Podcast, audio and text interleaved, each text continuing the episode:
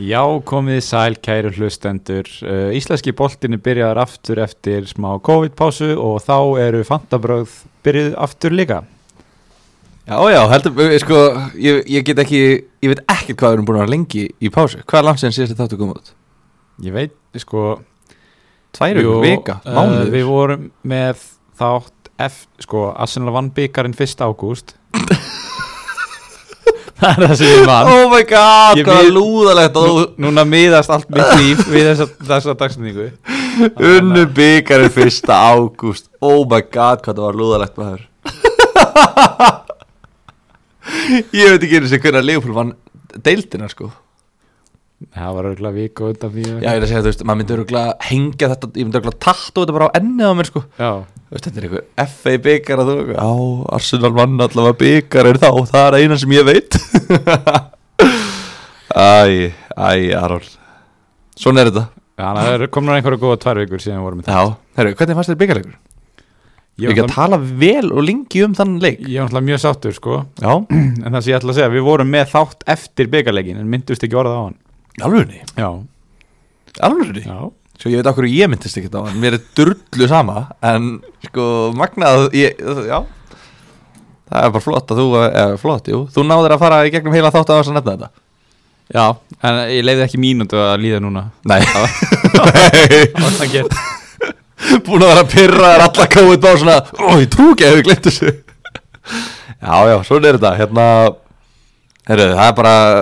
við ætlum ekki að byrja á ennskaboltanum Nei, en þetta er komið, leikurinn er það er búið að opna fyrir þetta já, veistlan er byrjuð og við ætlum að tala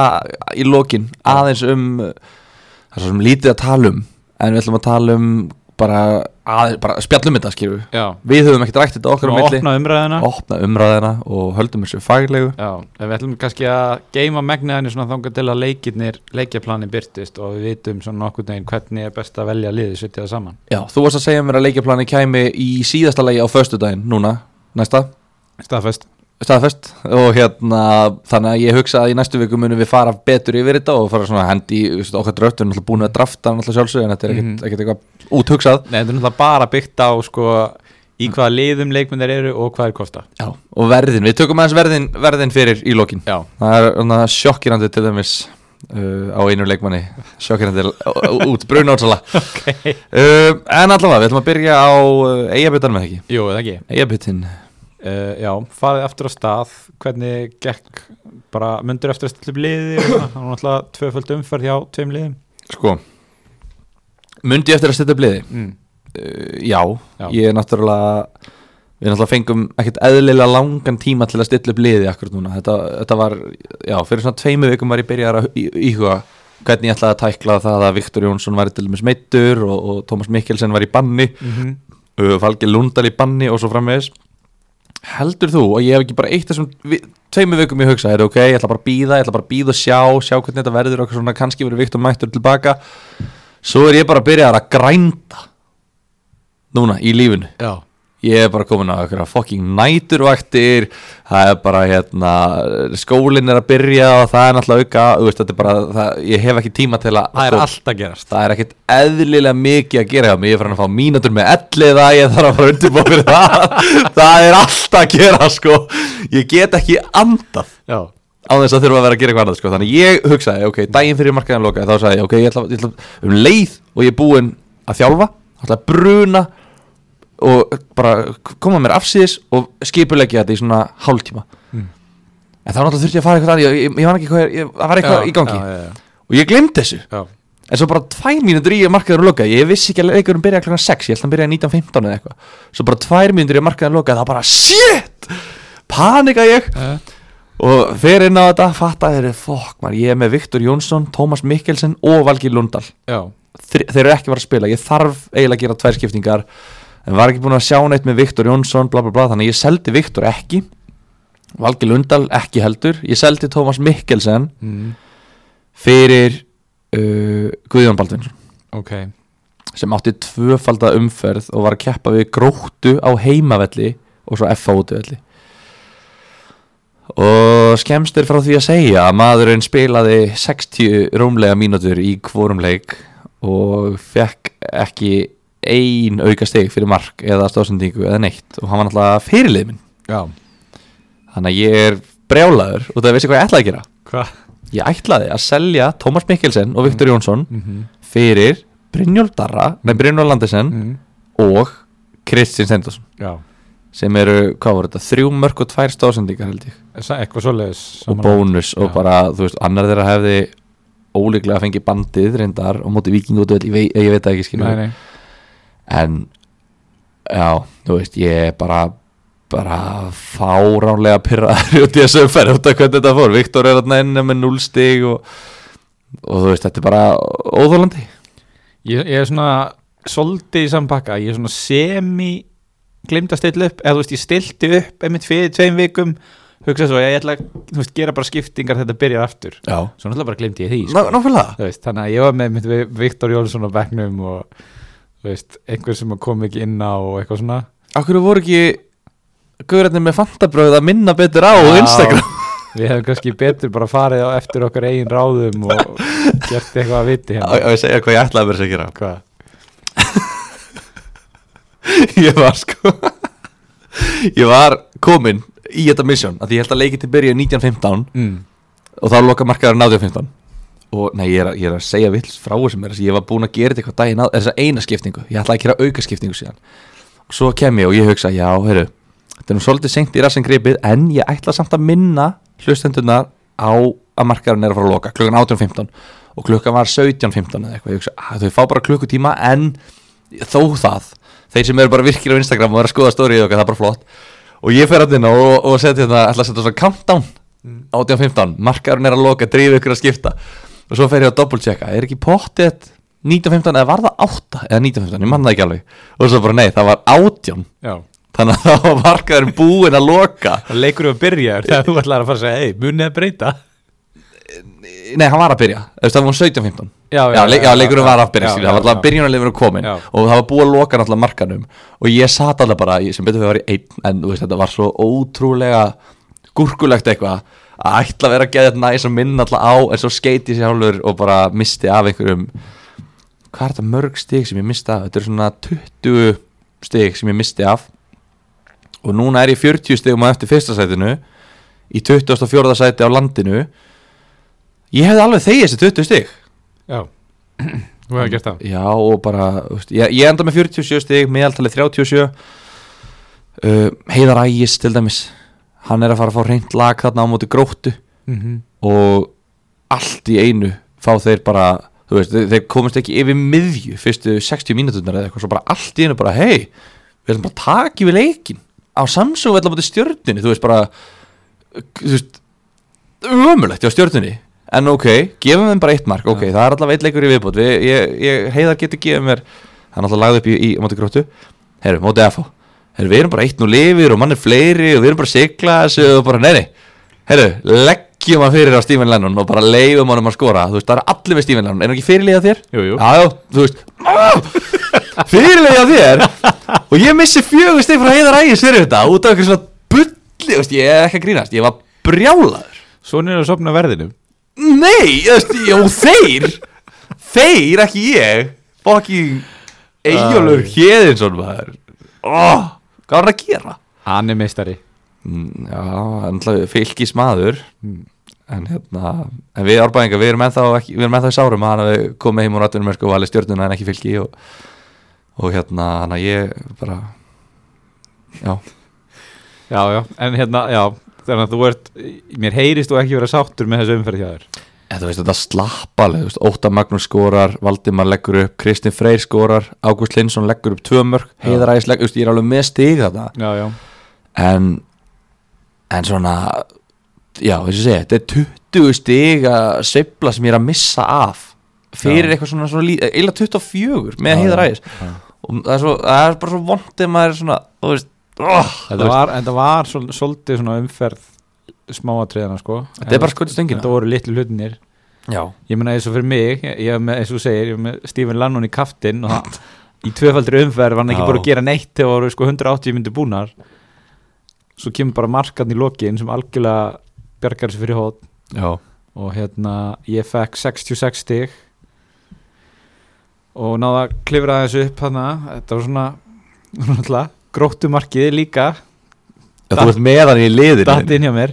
sko, Karl Friðleifur er náttúrulega að verða einhver mesta hetja bara sem að ég hef keift í fantasy Hvað er það að gera Þú veist, ég verð- Hvað er það að gera með henni í liðinu og þú varst hérna einhvern veginn bara er þetta sustainable og ég var bara, ég ætla bara að sjá hvort að það er þannig og það er bara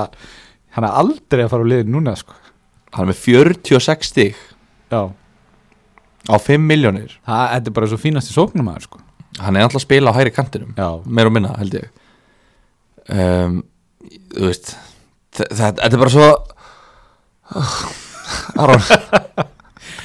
hvað á ég að segja um þetta? hérna þá er ég hérna skellilegði og gilfið er bugaður Þetta sko, nei þú veist Já. Hann fær 11 stig já, Fyrir hvað? skorar og fær fyrir sem 60, fær 2 stig fyrir að spila og svo er hann maður leiksins Hann er maður Þrjú leiks Oh my god Þetta er svo þetta, þetta, Já, ég veit ekki Man of the Hour, Karl Friðleifur Hva, En Hvað segir hérna- maður? Fæst orð, bera minnstu ábyrð já, Er það ekki? Svo er ég með Heiðar Æðis með 7 stig, Rasmus með 6 uh, Stefan Teitur með 10 skoraða var mitt maðurleiksins Já uh, Þorsteinn Már leggur upp, Valdimar leggur upp og svo Stephen Lennon með 16 sem fyrirliði Þetta, þetta er fullt af stigum, hvert er með mörg stig? 66 Já, 66 Og þú ert það komin, ertu einu stíu eftir mér Jöp. Oh my god Shit Þetta verður uh, kapplaup til enda Já, Ég allt, vona það allt til enda En hérna svona annars ertu úst, ef þú horf- ef þú horfið fram á veginn ertu sáttu með liðið þitt ertu að fara að gera mikla breytingar Ég- Sko, það, það er alltaf Ef við skoðum leikjaplanið Já, þá er það alveg rosalega brenglað framöndan. Núna er venjulegumferð, já, næsta, svo eru fjóri leikir spilaðir, já svo eru venjulegumferð, og svo er bara svo, svo bara tómt, hérna. já. Og þú veist, þetta er allt hérna. í rugli. venjuleg Svo kemur þarna, já, átjóndum fyrir bara eitthvað 58 leikir. já. Og þú veist, þetta- og þetta þetta er allt í rugli. Ég ætla ekki, ég, ég á eina skiptingu bara náttúrulega, þú veist, í ég er nú- 20. annari auðferðinni eru svona 1017 leikir Já, liðin eru þarna að spila aðfangadag og jóladag Þau fá Þau fá 20 klukkutíma kvild á jólunum þetta er svona sami pakki og önski boltin í því. það er bara aðfangadagur klukkar 6 Já. káa, háká, óhefnir bara jólastekin inn í Þú ert bara beint í hambúrgarrygg Recovery buksundar og bara mættir á jóladag í næstu leik Þetta er, þetta er geggja Já, ég vona að það verði ekki búin að breyta þessu fyrir, en, en þetta er þrefald umferð Þarna þarf maður að eiga hérna Sko, fyrir næsta tífambil íslenska þá verðum við að fá fleiri svona chipsa Triple kaftein og eitthvað svona já, ég held það um, en, en já, ef við horfum að næstu umferð þá, þá er það það eru fullt af ágættu leikjum þú veist, uh, stjarnan á fylki og þeir hérna stjarnan er búið að vinna fylki núna hvað 11 leiki í röð eða eitthvað já, vinna 11 leiki í röð held ég þannig að þú veist þeir, þeir vinna fylkismenn breyðablík á gróttu breyðablík náttúrulega niðurlega á uh, framistuðulega séð og, og unnið á 3-0 mjög sannfærandi í fyrstu, fyrstu leiknum þannig að þeir ætti að geta skora svona 6 mörg í þessum leik uh, fjölni vikingur vikingur er miklu betra lið fjölnir eru uh, bara hvað er með mörg stegi í delinni? Manstu það? Tvö. Eh, fjölnir Já já, e- eitthvað sliðis fengur steg á móti viking var ekki fyrsti leikurinn og síðan ekki valla sögur meir sko, þannig að það eru þrjú stig, Já, þannig að ég held að Þrjú það sé jafntefli. allt öðru sem fyrir vikingana að mæta þeim núna heldur en í fyrsta leiknum og Mhm. bara þú veist, þetta er- þetta eru hvað er að segja, þetta eru fj- já, nóg að svona top 6 á móti bottom 6 leikjum og svo er K.R. Valur stórleikurinn eh, 20. annan klukkan 4 þannig að þetta- þetta er fullt af leiki þetta er- þetta eru þægilega leiki þetta er, þetta er góð fantasíumferð já, og Já. maður þarf ekki að gera mikið af breytingum nema maður sé bara með K.R. já, og Valsara já, þannig að mér lýst bara vel á þetta en þú veist að ég veit ekki, þú veist eins og káringarnir þeir náttúrulega eru að keppa núna á eftir á móti Celtic, já tapa 2-1 á móti FH Þú veist, eh, hvað hvað finnst okkur um, um þá svona horfandi fram á veginn um, ég held að flóki mögulega eftir að náttúrulega Tobias Thompson er bara farinn Já. þá er Flóki náttúrulega alveg neldur í byrjunlið þannig að hann gæti verið góð kaup hann er alltaf búin að vera neldur Já, hann er Allt náttúrulega búin, að- mótið, sko. búin að vera þú veist, flottur en svona þetta er svona ef, maður, ef það voru einhverjar efasemtur um, um, já, já, um verið í byrjunlið þá er þær hortna núna um, en annars er þeir náttúrulega eitt af mögulega tveimur liðin sem að heldur einhvern tímann reynu sko það er alveg ótrúlegt með liðin í þessari deild hvað þau bara halda ekki reynu sem er Já. svo sem gott upp á skemmtana gildi að gera en veldur okkur fantasi þjálfurum hausverk já þetta er, þetta er erfitt og það, og það er eiginlega bara KR og Valur já náttúrulega Káa náði ágætis rönni þarna já, þegar Atti Gretars kom og hérna FH svo sem náði einhverjum leikjum líka já en ég myndi svo sem alveg segja að KR er alveg ennþá á þessu rönni varnarlega, hvað er þið búin að fá þessu eitt mark í þremur leikjum, já eitthvað sliðis fjórum, þremur já, eitthvað svo leiðis en, en hérna, þannig já, þetta er, þetta er helvítið spasl með clean sheet dæmið og ég veit til dæmis ekki, ég, þú veist, ég er með Valgilundal í val mm sem að er fært um að það liðið er fært um að halda hreinu uh, Káar vardamennir eru mjög dýrir ég er með Brynjar Inga í Káa sem að eru færir um að halda hreinu ég er með Heiðar Ægis í stjórnunni sem eru ekki færir um að halda hreinu Mm. en Heiðar er að leggja upp mark í hverjum einasta leik verðist vera hann er komið með einhverja fimm stóðsendingar hann er bara rosalegur þannig að hann er að fá fimm stig í hverju einustum ferð ég veit ekki alveg hvað ég er að gera með Davíð Örn Atlason svona þegar ég horfi á nullstíin sem hann fekk í þessum leik já. það er ég svona ah, þú veist, ef ég bara kaupa hann fyrir einhver, einhverjar stóðsendingar og eitthvað svona ég gæti alveg eins verið bara með Karl Friðleif þarna á, á 1,5 miljón minna það var nú það sem ég ætlaði að fara að segja Já. sem er nákvæmlega sama konsept sko já, Þannig að Ég veit það ekki um, En Davíð er nátt, ég mynd, þú veist, hann er hérna á 6,5 miljónur Ég þarf eitthvað aðeins að fara að endur sko að það held ég ekki Gefa hann fjölinsleikin já. uh, Annars er þetta svona Já, varnarlega sé þá veit ég ekki alveg Þú veist, Ég er með Aronsna í markinu á fylki Sem er alveg farin bara mýgleika Bara eins og þau voru að gera í fyrra Og þessi varnarleikur, agaði varnarleikur Svona Ég, ég, fyrir, að- ég, ég, ég lýsi eftir honum Aftur En það sem við erum kannski að sjá er bara annarkort er þetta spurningum að fara í beitir eða Hannes eða bara svolítið að vera með hvert sem er í markinu Já, og mér langar alveg að skipta um markmann en Já. það er bara engin annar sem að mér langar í í staðinn, En- ég væri bara til að spila án markmanns en Jajalo í Káa mm, er hann ekki að spila núna? Já, hvað kostar hann? hann, Hann er, á 5 Það er reyndar er komið 24 stig Ó, og þeir eru að hvað, stjörnuna og stjörnuna Tvo líki röð ég ætla nú ekki að, að hérna gull negla þetta leikjaplan eins og það byrtist hér Þetta er 27. ágúst og 30. ágúst Stjarnan Káa, Káa Stjarnan ok, Ég held að þetta sé bara rétt sko já en ég meina, þá er þetta kannski ekki besta pælingin ef hann er að fara að mæta stjórnunni hana tveimur og þreim næstu leikjum Já En samt en alveg eit, eitthvað til að hugsa um getur þetta ekki slett skipti Já, menn þeir eru líklegri til að halda hrein, er, já, en Mm. fylgir eru reyndar að fara í ágætisprogram Þeir eiga stjórnuna í næsta leik En svo er þetta bara fjölnir, gróta, háká og eitthvað svona dæmi ok,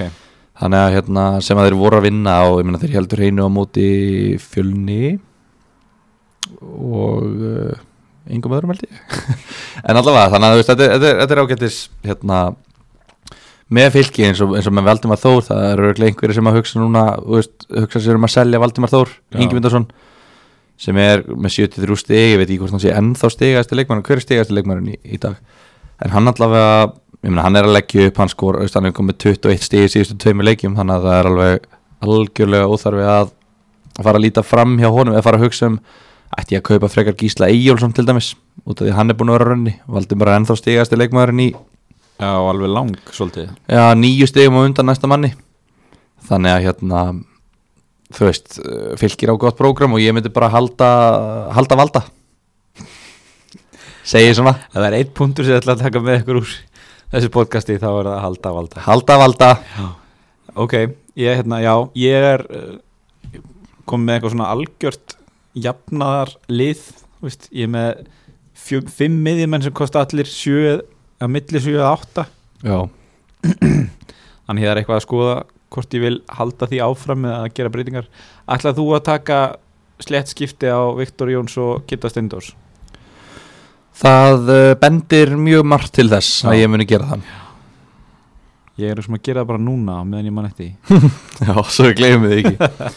En sko, ég er samt með Gaujabald og, og Gaujabald náttúrulega þú veist, hann skorar engin mörk og hann leggur ekki upp nógu mikið af mörkum heldur uh, Flottur leikmaður stjarnan eru með fæst uh, töpustig í deildinni og eru bara í, í harðri Íslandsmeistara baráttu og hann er byrjanleismæður þar og þetta er flottur leikmaður en fantasílega séð er hann hann er ekki nógu góður fantasílega séð og sérstaklega ekki kostandi þessar nýju miljónir sem hann kostar Nei. þannig að ég vil uh, þetta var bara, ég vissi alltaf að þetta var bara út af þetta tvöföldum fyrir þeim Mhm. þannig að ég vil losa mig við hann strax þannig að ég vil losna við Gauja Bald og kaupa Tó, Thomas Mikkelsen eða Viktor Jónsson og kaupa uh, hérna kaupa Kitta Steindors, ég veit ekki alveg hvernig þetta verður ég þarf eiginlega að reyna að finna, heyri mínum önum upp á skaga með Viktor Jóns, hvort hann verið klárið eða hvað er langt í hann já, en hérna, já æ, ég veit ekki, þetta er svo þetta Já. er svolítið hérna losarlegt svona en kannski það sem að eitt sem maður tekur úr þessu umferð er að Hilmar Átni skorar og leggur upp já, hann svona er eitthvað að vakna til lífsins maður, er svona, maður hefur fundist maður komast upp með að vera ekki með hann núna eftir að stjarnan fór hann í sótkví já, já og bara allt tímabilið, það var náttúrulega mikið hlegið og ég fekk, fekk skilabóð um það að ég væri búin að missa vitið þegar að ég talaði um að ég ætlaði ekki að hafa hann í liðinu mínu já, og hérna, þú veist, og, og menn bara verða að taka axla ábyrð á, á þeim orðum sem að ég þurfti að fá að heyra hérna fyrir mót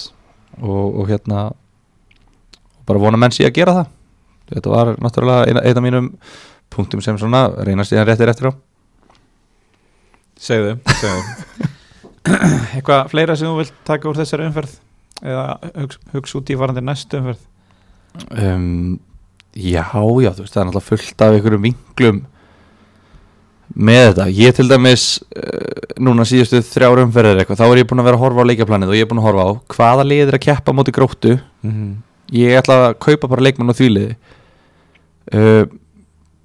ég, ég er til dæmis búin að vera að hugsa núna ætti ég að fara að endurskoða þetta og breyta þessu liði í fjölni frekar já, já, eða ætti ég að halda mig bara við gróttu út af því þeir náttúrulega eins og mútið stjörnunni þeir, þeir ég meina leikplanið gekk upp bara höldum þessu bara sem leik síðasta hálftíman eða eitthvað og svo Mhm. bara, eða, ef það var leikplanið, ég veit ekki, það er allavega leita hann út og svo bara reynum við aðeins að setja á það og bara í lokin þannig að þeir ná því þá er þetta náttúrulega allt, allt uh, annað game fyrir þeim mm uh, Marti Rásaberg náttúrulega komin í Háká Já. Eh. skorar hana auðvitað skorar hann og hérna fær tíu stig Valgir var komin í hæri bakurinn já, ok, það er svoleiðis. það, sko, það er högg fyrir menn sem eiga Valgir það er áhugjefni og miða við að þeir vinna þarna góðan sigur Mhm. á fjölinsmönnum og hérna og eru bara að sigla bara ágætis eh, siglingu þá myndi ég, já, ég myndi, mér myndi líða mjög óþægilega núna ef ég væri með valgir í liðinu mínu á, á 7,7 miljónir og með leikmenn eins og Stefan Teit sem er að delivera, Valdimar Þór er að delivera uh, hvernig Jónatan Ingi búin að vera í síðustu leikin Ekkert, hann er ekki búin að skila stigum allavega Nei, þannig að hérna ég er svona veltaði fyrir mér hvað ég á að gera við hann Það er allavega mennandi í kringum hann sem að eru, eru að gera eitthvað í kringum valgir og ég er svona, já, ég veit ekki alveg það er Birki Valur sem sett farin eða hvað Já, ég, já, Já. Það er Slovakíu, er ekki? Einmitt, einmitt. Sloveni, Slovakíu Ég- bara því að hann er ennþá inn í leiknum hérna Já, já, hann, hann verður hann alltaf inn í ekki tekin leiknum út Mm. hann, ég, ég ætla að segja það, hann verður stigaðist í varnamaður háká eh, ennþá eftir svona þrjárum fyrir sko. já, Hann er langstigaðist í varnamaðurinn þeirra núna ég var náttúrulega bara orðin st- starter hérna í vinstri bak og Já. hérna lagði upp mark Já, gerði það líka á móti fylki og á móti breyðablík, eða skoraði hann á móti breyðablík eða lagði upp, hann er alltaf búin að vera mikill eh, og sterkur hluti af sóknarleiknum hjá þeim já, skila stigum á 5 miljónir, hvaða leikið er það næst er það FA úti í næsta leik og svo gróttu og val úti Já. þetta er ekkert eitthvað geggja plan en nei fyrir 5 miljónir þá kannski þú heldur þið við kalla Já, já Kali, Kali, Kali Herðu, ef að fara okkur yfir í 50 skills Fær okkur yfir í 50 skills Ekki, mér finnst þess að fara svo rætt yfir þetta Já, Þetta var þetta ræðferð það er, það er hérna bara plan Hver er fyrirliðin fyrir næstu umferð? Sko um, Ég Mér líður þess að haldum um bara við Stífi Lennon sko eða kannski Mikkelsen Já Ok, annarkur þeirra Nú er- uh, Lennon er búin að gefa vel í sumar en ég hef pínu ágjör af því hvað FH virka ekkert sérstaklega beittir þeir svona hafa lagt mikla ávislu á varnarleikin eftir að Eiður og Lógi tóku við Eh, já Já hann að hérna það er svona aðeins dreigið úr markaskunum finnst mér en þeir hafa svo sem fengið á sig tölvöld færri mörg líka Hver hlustendur til að fakt tjekka þessi orð Já, uh, En já, ok Ég held að Tómas Mikkelsen verður örugglega fyrirliði hjá Já. mér. Ef ég kaupa hann kannski Kitty Steindur taka smá differential Já pælingar Fyrirliði minn, ég, ég ætla, sá sem ég kaupi mm. fram, hann verður fyrirliði Hmm. Ok. Ég veit ekki alveg hver það verður Ok, Já, já, það voru það dömundar já The 50 skills 50 skills uh, Nú er ekki búið að reikna stígin Nei, og ég ætla ekki að fara að leggja þau saman í haustum hérna síðan þín Já Nei, það var alltaf reikalegt, þú ert alltaf Hvað er langt sem þú fórst í enga tíma í nemi? Hefurðu farið? Það, nei Þú ég- hefur aldrei ég farið. reyndar ekki farið sko Herru, guð, forðið þér frá því að þetta fara að stunda hugareikning allt í henni eða í beinni, sko. Það er bara, glemdu pælingunni. Ég skal reikna þetta fyrir þið hérna á eftir, kallið minn, kúturinn minn. en, en núna ertu að fara að heyra orð sem þú átt ekki eftir að heyra oft í þessu þætti Já. Ég glimt að breyta Nei. Jú, Ha? það er bara staðfest Um, oh my god. Þannig að Ég... Fyrir ég tvöfald að umferð. ja, Er tvöfald umferð? It's a double game week. Já, Já, maður, gaur. Úf. það er leikir á morgun Yes. Þessin er ekki búið að reikna. Mega sens Það er nefnilega, þetta, þetta meikar helvítið mikið sens þegar maður- þegar maður pælir í. því. Það er mjög margt í þessu lífi sem meikar sens. En, já, já. Ég Mm, byrju- verð bara með fylgistelpunum mínar á bekknum og Já, já, Cecilia Rán uh, leikmaður umferðarinnar hún er þarna uh, först á bekknum út af því að ég meina út af því að Harpa Jóhansdóttir var að mæta stjórninu og breyðaböku útvöldi Já, já þá þurfti hún náttúrulega að fá, fá að halda sæti sínu Herðu, já, það Ef ég verð heppinn að vera að harpa að víti á myndi breyfliki já, og heldur reynu Já, ég er Í- kannski ekki að binda vonir við það þess vegna segi ég held hérna Já, þú, þú spáðir nú Þór Káa Sigri á, á hlýðaranda Já, og það já. er töpuðu 6-0 þar hvernig heldur að þessi leiku fari á, á morgun breyðablik Þór Káa Já, ef ekki segja bara 6-0 fyrir breyflik Er það ekki? Jú, Ætli þeir gefi eftir frá því síðasta leik Þær, unnu, sko, þær, voru, í svona, þær voru í fjórðagýr á móti FH Nei, nei, byttu Maður talar öfugt Fjórðagýr er alveg svolítið mikið já Þær voru í öðrum gýr Ef, Þú hefur ekki átt bíl í langa tíma Ég er á hjóli alltaf og það er ekki tölur á gýrunum mínum Maður var alltaf með svona þrýr vinstra megin og sjö hægra megin hérna. Jú, jú Stiltir svona og var alltaf Ok, ég er í tvisa sem sjöunda gýr Í fjórtanda gýr, eitthvað svona En hérna uh, Vá, ég er að fá bara svona flashback af mér að hjóla þegar ég var lítið bann Skal reyna að reikna 2-7 eða? Nei, er ekki 14 En hérna Herru, vá maður, ég er alveg svona út Nætuvættin maður, úff Það er unnu 7-0 Já, FH Þær voru í öðrum gýr, fyrsta gýr Þær voru bara, öðrum gýr eða þess, þær voru bara ekki einu sinni góðar sko. Þetta var bara, þú veist Það voru bara lulli, þú veist, bara FH eru bara ógeðslega lélegar Og þær voru bara þannig að lullinni eitthvað Og Sveindís, hún er bara eins og sko Messi Já, út, og, veist, ekki út af því hún er svo ógeðslega góð í fótbolta hún er ekkit með eitthvað bilaða tækni en hún er eins og Messi að því leita hún spila þannig að hún er bara sultuslög og, þú veist, og, og auðvitað þarf hún ekki að verjast neitt hún, hún, er, hún er dugleg hún er alltaf bara unglík og, og fersk og svona, en hún þarf ekki að verjast neitt fyrir ekkert hún vilja hún hangi bara þarna skilur við stundum og er bara svona að chilla svo fær hún boltan og þá bara, heyrðu, ok nú setjum ég í gang bara svo Messi þetta fyrir 5-6 árum bara, þú bara leiði hann fyrir boltan þá varstu bara, oh shit, hann er að fara á stað og þegar hún fór á stað þetta var hrikalegt að horfa á þetta sko og nú er ég búin að sjá hana bara gera þetta í nokkrum leikjum og það bara ræður enginn við hana nei Þetta er algjört vop hún er ógeðslega fljót Já og mér finnst líka svona leikjaskipt stundum er hún rosalega sniðu hvernig hún kemur boltanum fyrir eins og í, í markinu sem Aglamarja skorar, hún skalla boltan hann inn þá bara keir hún upp kantinn og hún, hún nær að horfa vel upp hún nær að tímasetja krossa fjärstungina vel og gerir það vel með vinstri fætinu sínum uh, en svo stundum er þetta líka, hún bara veður upp og svo bara neglir hún eitthvað og veit ekkert hvað hún er að gera eins og, eins og hérna, hún gerði mikið á móti fylkiðin í byggarleiknum þannig að svona ef, hún, ef við fáum það er meira endproduct inni hjá henni þrátt fyrir að hún var að fá sko, hvað fekk hún 12 stig í þessum leik Jú. 15, 12 er þetta ekki fyrir bónusin ég held hún að Em. eftir að fá bónus ég held hún að við skorað eitt, Það getur passað hún skorað eitt og laði upp tvö Var valinn besti leiknum með hún fær 15 stig og þær er að Þór Káa eftir heima sko þannig að við erum að tala um líka ja, allavega 2 stig þar og hún er á, kostar hún ekki ennþá 9 miljónir er hún ekkert búin að hækka? Nýju Já, hún verður en, búin að en að samaskapi hækkarinnar gerast eftir uppferðinnar Já, hún verður búin að hækka öruglega eftir þessu umferð. en já, þetta er, þetta er rosa rosaleg svona hún er einstakar leikmaður á þessu landi Hérna talandum uh, Berglind Korki skorar nýja leggur upp í leiknum ég ætla að ég myndi að fara að koma inn á það Já, fyrir liðminn hún uh, þróttur 7. umferð 20 stig, fylgir 6 stig 8. umferð og okkar er komið sér rangt frá mér svo í 7-0 sigri á FH er hún tekin út af á 60. og 1. mínútu eða eitthvað rétt slefar í 2 stig hún gata ekki neitt gerði ekki neitt og bara, bara eins og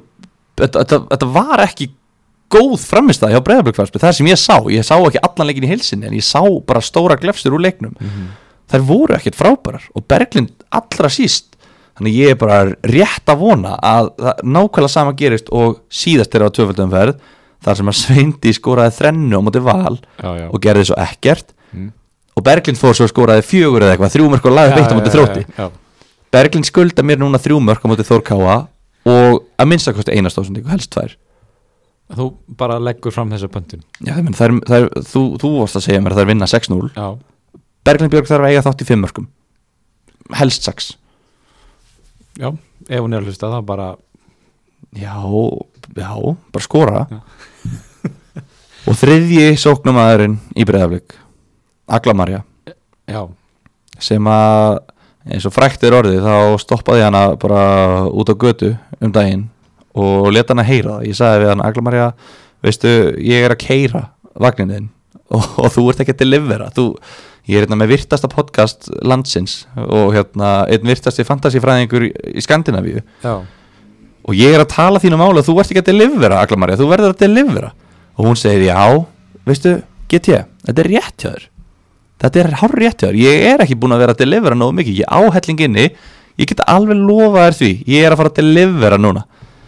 ok, Agla Marja, takk fyrir það, bless samtali búið, Mm. ég kem í þáttinn og segi heru, hlustendur, ég var að tala við hana alveg svo þegar ég heyrði í Chris Wood um daginn já og bara hún er að fara að delivera hvað gerir hún núna? skora þrjú mörg og hver er með hana ekki í liðinu sínu? ég, út af því ég enda á að selja hana og kaupa Alexandru Mhm. sem gerir ekki neitt og hún er náttúrulega, þú veist, þetta er svo yfir borðs, nei, yfir mátalega heimskulegt hjá mér að selja hana, hún er vítaskittan auðvitað, þú veist, hún, hún er að spila framar Mhm. hún kostar bara 11,4 þetta er gjafaverð Ég hugsa að ég sé myndi að fara að taka þessa breytingu eftir umferðin að selja Alexandru og kaupa Öglumari ég bara, ég verð að gera, ég neyðist til að gera það hún er ekki að gefa mér neitt val og það er það sem ég elska þegar leikmenn, þegar leikmenn gefa mér ekki val Já, það, það, ég vil það það er oft gott þegar maður fær ekki að ráða sjálfur já, Já. Hún, hún er bara búin að segja hún er bara búin að segja, "Gi- Gylfi þú kaupir mig, Já. mér er alveg saman hvað, hvað þú varst búin að ætla þér að gera með peningin og, og Mér er alveg saman hvað þú vilt, þetta er það sem þú gerir Þetta- já, þú ert að fara að kaupa mig og þú ert að fara að gefa mig bandið og ég bara gera það Já, þannig að hérna, það er bara flott en þú veist, leiðilegt að missa af einhverju 40 stiga umferð sem, að, eða, fr- sem margir eru að fá margir fá 40 stigi frá henni að því hún er fyrirlið hjá mörgum þannig að þetta er helviti vond, þeir sem eru með öglumari og svindi sig, ég er alveg að missa missa þá svolítið langt á undan mér sko já um, Þannig að það, leikinni sem eru á morgun fylgir IBVF, Breiðablík Þór Káa og Selfoss Káar komið þá, Ég Já, bara, þeir, það eru leikinnir, já, já, Já, já það ég er- ætla að þetta koma eitthvað meira Já, leikinnir er En þetta binda vonir við mikið að stegum? í þessum, já, já ég, eins og ég segi, ég þarf að fá stig frá Berglindi Helst uh, vilja fylgir haldi hreinu á móti IBVF uh, hvo- Ég er ekki hvort þegar maður byrja á IBVF eða fylgi IBVF eru búin að vinna fjóra leiki Það eru bara, í- það eru fjórðarsætti í deildinni Hvernig gerist það? Hvernig gerðist það? Já. uh, fyrst þ- þær mættu þrótti tvísvar og unnu báðalegina og þær unnu FH held ég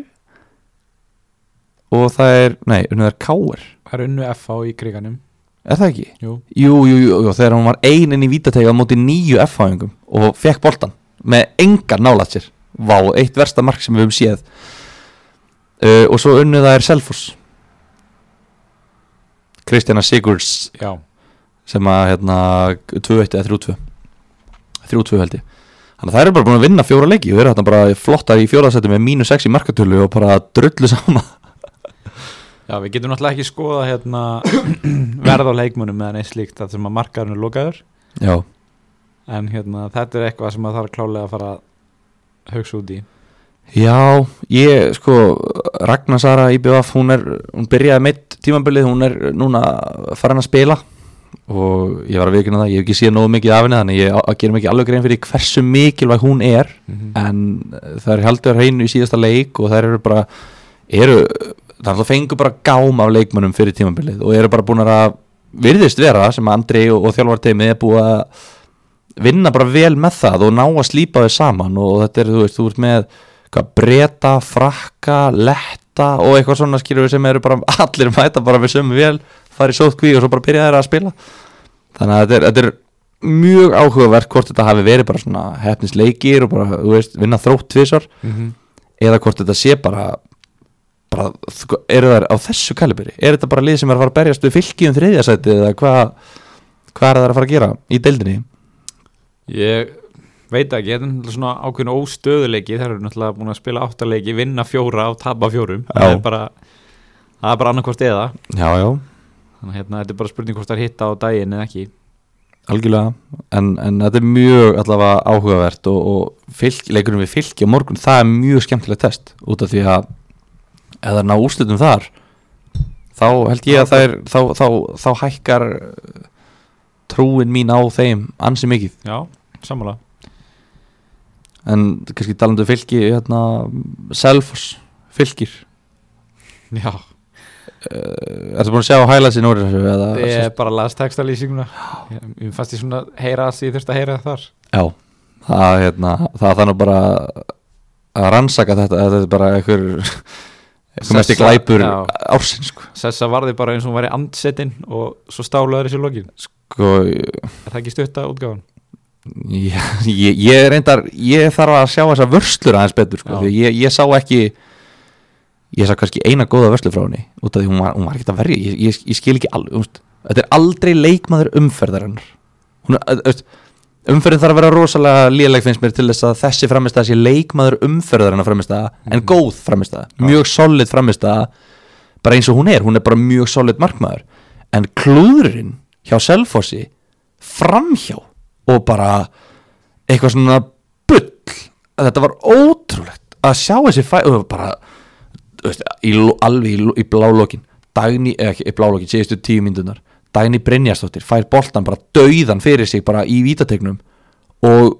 hún einhvern veginn svona táar hann fram eða skýtur honum framhjá einhvern veginn bara hún getur bara sett hann í allt markið skýtur framhjá, maður bara svona vá, þú veist, ég held að þetta væri ekki moment sem að Dagný Brynjarsdóttir myndi vera að klikka á Mhm. uh, hún fær líka s- dauða skallafæri skallaboltan framhjá uh, það er eitt annað færi minni mig sem er skot framhjá bara, eh, veist, þetta þetta er bara það er hitt ekki einu svona markið í þessum færi bara lélegt hjá þeim, þannig að ég veit ekki alveg hvort það sé endilegt að tala um rán, en þær voru svo miklu betri og fylki bara komst allir við miðju, þetta var bara, það voru bara dundrandi fram allan leikinn sem bara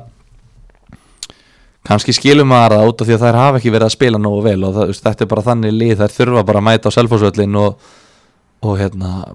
berjast skilur við og bara vinna fyrir s- bara með hörku eitthvað degin og, og svo, svo skoraði þær eitt mark í uppbóta tíma að vinna ég bara, vá hvað þetta er ósangjant Er Selfoss að vera að taka káir morgun? já, já, það gera það nú en, en hérna, En það bætir sem ekki upp þetta tap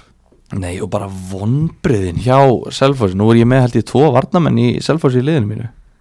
eða einn, Áslögu að Barbáru eða ég er með önnu Já, og áslögu, önnu Maríu áslögu þannig að þú veist, ég var alveg drullu sáttu með 0-0 jafntöfli, þannig að ég var, ég var drullu fúll en, en þetta von breyða tímabili og selfósi, þetta er náttúrulega bara algjört algjört þrótt hjá þeim að vera ekki búin að ná betri úrslutum, þær eru með leikminnina og þær eru að spila bara allt í, þú veist, bara að spila bara vel sko, þær eru alveg stjórn eins og leikjum og svona, þær eru ekki bara ekki að skora þú veist, þetta er bara, þær eru með tíu mörk í átta leikjum það verðist vera vandamálið Ég, já, þetta er bara von, þetta er bara ekki, þetta er ekki bóðlegt Skora þriðja minnst í deildinni Já, þú veist, og þá erum við að telja með, við erum að telja F á með sko. Já, þú veist, að- að þetta er bara, það eru sem skora helst ekki mörg ég bara, hvernig, þú veist, af hverju skoraði ekki meira af hverju, af hverju sparkaði þær ekki í markið þú veist, af hverju eru það að skjóta framhjá bara, þú veist eru það svona hrætta við markmannin þú veist, er, eh, kannski er það málið kannski er bara, wow, Sessa er svo góð við verðum að skjóta alveg út í hotnið bara stungin inn til að skora Já, ég veit ekki, það er sennilega bara ekki í takti eftir þessa pásu og ég menn, það voru 20 mörg skorið í umferðinni sko. Já, en við erum að tala um Selfoss núna ég hann voru ekki öll liðin í pásu Jú, jú, reyndar Veist þú þú getur alveg skorað mark þú veist, ég meina, Bryndís gætt skorað hún hefði alveg getað skoðið framhjá úr þessu færi, bara eins og uh, allt selfasliðið var að gera Veist, ég veit ekki, skilur, ég, ég veit ekki af hverju það skor ekki Nei, nei, ég er bara að reyna að koma með einhverja kenningar þetta er bara að Já, já, slæra já. það niður jafnóðum Nei, menn það er það sem við erum að gera, við erum að spila þetta, hvað heitir þetta, Devil's Advocate Já, En, en já, bara vond fyrir Selfors og, og ég held að eins og með Tiffany, Dæni Brynjar og svona, þú veist, allar þessar hugmyndir um að fara að taka þær inn, þær voru settar á ís eftir þennan leik Mhm. og, og já, Þessi skipti mín þegar ég seldi Tiffany aftur og tók Sveindis inn, það var einhver besta skipting ársins. sko. það er rosalega skipting sko. það, er, það er bara eins og þegar að Gilvi Tryggva kom inn á múti KFR í fyrra og, og skoraði sko. Já, jú, jú, vissulega. það, þetta er svona sambarlega Hérna, ok, eigum við eitthvað að tala um næstu umferð, Þú veist, hvernig, ertu með eitthvað plan fyrir næstu umferðir? Hvað uh, sem ætlar að selja eða kaupa? já sko, við tölum með þessum Hilmar Átna í, í kallaboltanum ég Já. ætlaði nú bara að benda á það að, að það var einni hlegið og ég fekk einni miklar hótanir uh, þegar ég talaði um það að ég ætlaði að selja Jelinu Mettu Já, uh, sem ég gerði og uh, einhvern veginn óskiljanlegan hátt virðist að hafa verið ágæðis ákvörun því að hún er ekki búin að skora síðan held ég og ekki búin að leggja upp síðan ég, ég, ég, ég manna man það ekki alveg nákvæmlega en, en hún, maður sjá var ekki bara breyðablik sem hún skoraði ekki jú, og, og svo pása og svo, neja, hún skoraði eitt mark á móti FH já, hann var ekki meira það. og svo á móti K.R. uh, skorar hann ekkert, fær tvö stig á móti K.R. á heima, nei var þetta í úti þetta var úti, Út í veldi. hann að uh, tíu stig í þremur leikjum fyrir Elinu Möttu sem er, sem er í eignar uh, hlut, eignarhaldi 69% leikmanna það er uh, ég fagna því og núna er hún að fara að spila við hverja aftur Uh, þrótt, getur ekki passað, næstu umferð. það er svo erfitt að skoða þetta í símanum sko. er þetta þróttur, Jú, Þór já. Káa og og Selfoss Já. nei og IBVAF Þróttur Þór K. IBVF. og Stjarnan, já, það er eiga mjög gott prógram framöndan þannig að það er spurning hvort ég þurfa að fara að kaupa hana, það var planið að fara að kaupa hana fyrir Katrin Áspjörs eða Stefani Ribeiro sem er heldur betur búin að kólna uh, Stefani Ísarsett en svo er Akla Marja með stæla og hún er að láta mig kaupa sig þannig að þú veist, ég veit ekki hvað ég á að gera sko uh, þetta er svona liðið mitt er aðeins núna og það er svolítið svona ójafnvæg í þessu þú veist, ég er með Katrin Áspjör sem ég er ekkert eitthvað ég er ekkert eitthvað brjálaslega mikið að fíla það Nei, ég er með Stefani Ribeiro, ég er ekkert brjálaslega að fíla það ég er með Telmu Lóu, ég er enga veginn að fíla það uh, og svo er ég með Alexandru sem ég þarf að selja fyrir Öglumarju ég er með tvo varnamenn í, uh, þetta er svona í selfossi ég veit það ekki, nú er Guðrún Karitas komin í fylki, eru já er það ekki einhver pæling? um, eða Bryndís Arna bara Ég ætla að leifa þær að gíska á mitt take gagvart þessu Leiktu mig, segðu mér hvernig, hvað, hvað er mitt take gagvart þessu ég held að þitt teik sé láttu mig sjá þig skora fyrsta markið þegar ég kaupi þig Prófa að skora eitt fyrst, Já. svo getum við skoðað þetta skora eitt mark og við tölum saman Það er Nákvæmlega, það er bara þannig Hún er ekki að fara að slá Bryndís Örnu út úr liðinu Nei. En ég sé það ekki gerast Og hérna Og ein- eins og hérna, maður verður að heyra Hún er búin að vera meira og minna bara meitt í sumar Og var hann að láni hjá Ía og var vist bara meitt Eiginlega þar uh, Spilaði eitthvað tvo, þrjá leiki Heldur hún að skora eitt mark eða eitthvað, eitt eða tvö Þannig að uh, Já, þú veist Fyrst og fremst bara ánæður fyrir hana Mhm. Að vera komin burt frá val Mhm. Þetta er bara Þetta er bara uh, sorglegt að hún hafi þurft að hanga hann í 2-3 ár og, og bara þvílíkt náttúrulega bara setback fyrir hennar feril Mhm. en vonandi nær hún bara, bara vonandi er hún heil eða verður heil fljótlega og fæ, þú veist, hún fær einhverja mínútur og, og bara vinnur sig kannski bara inn í liði, ég veit það ekki spurning hvort að þau fari í tveggja sóknumanna uh, Kerfi. kerfi eða eitthvað svoleiðist þar fylgir eru náttúrulega ekkert búin að vera að spila eitthvað brjálaslega vel Nei. þær voru ekki þær voru ekki góðar á móti Selfossi, þær voru ekki góðar á móti stjörnunni, þær voru ekki góðar á móti Þór Káa þær hafa ekki verið að spila vel í síðustu leikjum þetta er pínu vandamál, rosalega stert fyrir þær að ná aftur að múra fyrir markið og halda hreinu, byggjum á það og vinna þess 1-0 sigra sem við vorum að tala um fyrir mót að væru þeirra styrklegi og þá ættu þær alveg að geta tryggt þetta þriðjasætti mjög þægilega fyrir Selfossi svona langt eftir á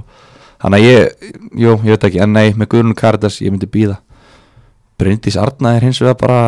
endalust að sokka mig sko. ég bara, það er ekki pláss fyrir fleiri sokka upp í muninum á mér, sko. hún er bara hvað er hann komið, með? fimm mörg eitthvað í sumar meira, ég ég er veit það nú ekki ekki með það fyrir frammi en jú, mér finnst það líka Ertu ekki með bókaldið? Engin heima hana sem að fæði frá þér sko. en, Nei, nei, þú veist bara, hún er að skora mikið Krissi sem er efstur á landinu fyrir þessa umferð hann er búin að vera með hana og ég er alltaf að býða eftir að hún hætti að að skora en Já. hún bara heldur áfram og skorar og skorar og alltaf er þetta eitthvað svona eins og þetta mark, þetta er bara gefinsmarki í uppbúta tíma, hún á ekki að fá að skora þetta mark markið á móti stjörnunni, hún tekur eitthvað vonlega skot fyrir utan teik sem að þú veist já, nýji markmæður í stjörnunni hefði nú bara varið það með lókuð augun Mhm. uh, en, en hérna skora þannig, hún er að skora fullt af mörgum sem hún á ekkert að vera að skora úr, fattar þú? já, en það er hannig, þeir skora sem skjóta Nákvæmlega, Mm. þannig að þú, þú klúðrar 100% af, af skotunum sem þú tekur aldrei já. þetta er, þetta er uh, basl sko, þannig ég veit það ekki herðu, ég var segja svo lokið og færa ykkur í Fantasy Premier League uh, Já, er það ekki bara Eitt sjátátt á Jakobínu Hjörvarsdóttur 4,5 miljónir miðjumar í Þór Káa Hún var að dæla inn hotspinnunum á Örnu Sif já, Ég hveti eða sko, ég vona að það séu komin highlights en, en fyrir, ég hveti ekki til að horfa, er ekki Pepsi mörg hvernig alltaf á ég vildi alltaf á 50? 50 Horfið á þau, horfið á highlightsin og stjarnan Þór Káa Þetta er bara hotspinnur, hægra megin, Arna Sif skalla framjá Svona sjösinum sem það gerðist Hún bara, Arna, eða bara, bara sogast á örnum Sif og bara skalli, skalli, skalli, skalli alltaf framjá eða í vartamanni eða eitthvað En þetta voru þvílið hættulega hotspinnur Kæmur ekkit óvart, ok, það er náttúrulega skora ekki á móti blikum En á móti IPVaf kemur ekkit óvart ef það myndi skora á hotspinnu frá Jakobínu gott loft í eigum og svona Já, hún er að 4,5, hún er að spila Hún er með garant fyrir tvö stig Það er fínt að vera með einn, eh, svona ódýran hérna, miðjumann bara Það gefur mann svo mikið svigurum Ég er ekki búin að vera að spila þannig og mér vantar aðeins meira svigurum Kannski sér telmulóu fyrir Jakobínu eða eitthvað, ég veit það ekki En já Já, já, og að þetta fara er í okkar stóð og styttu í lífinu sem er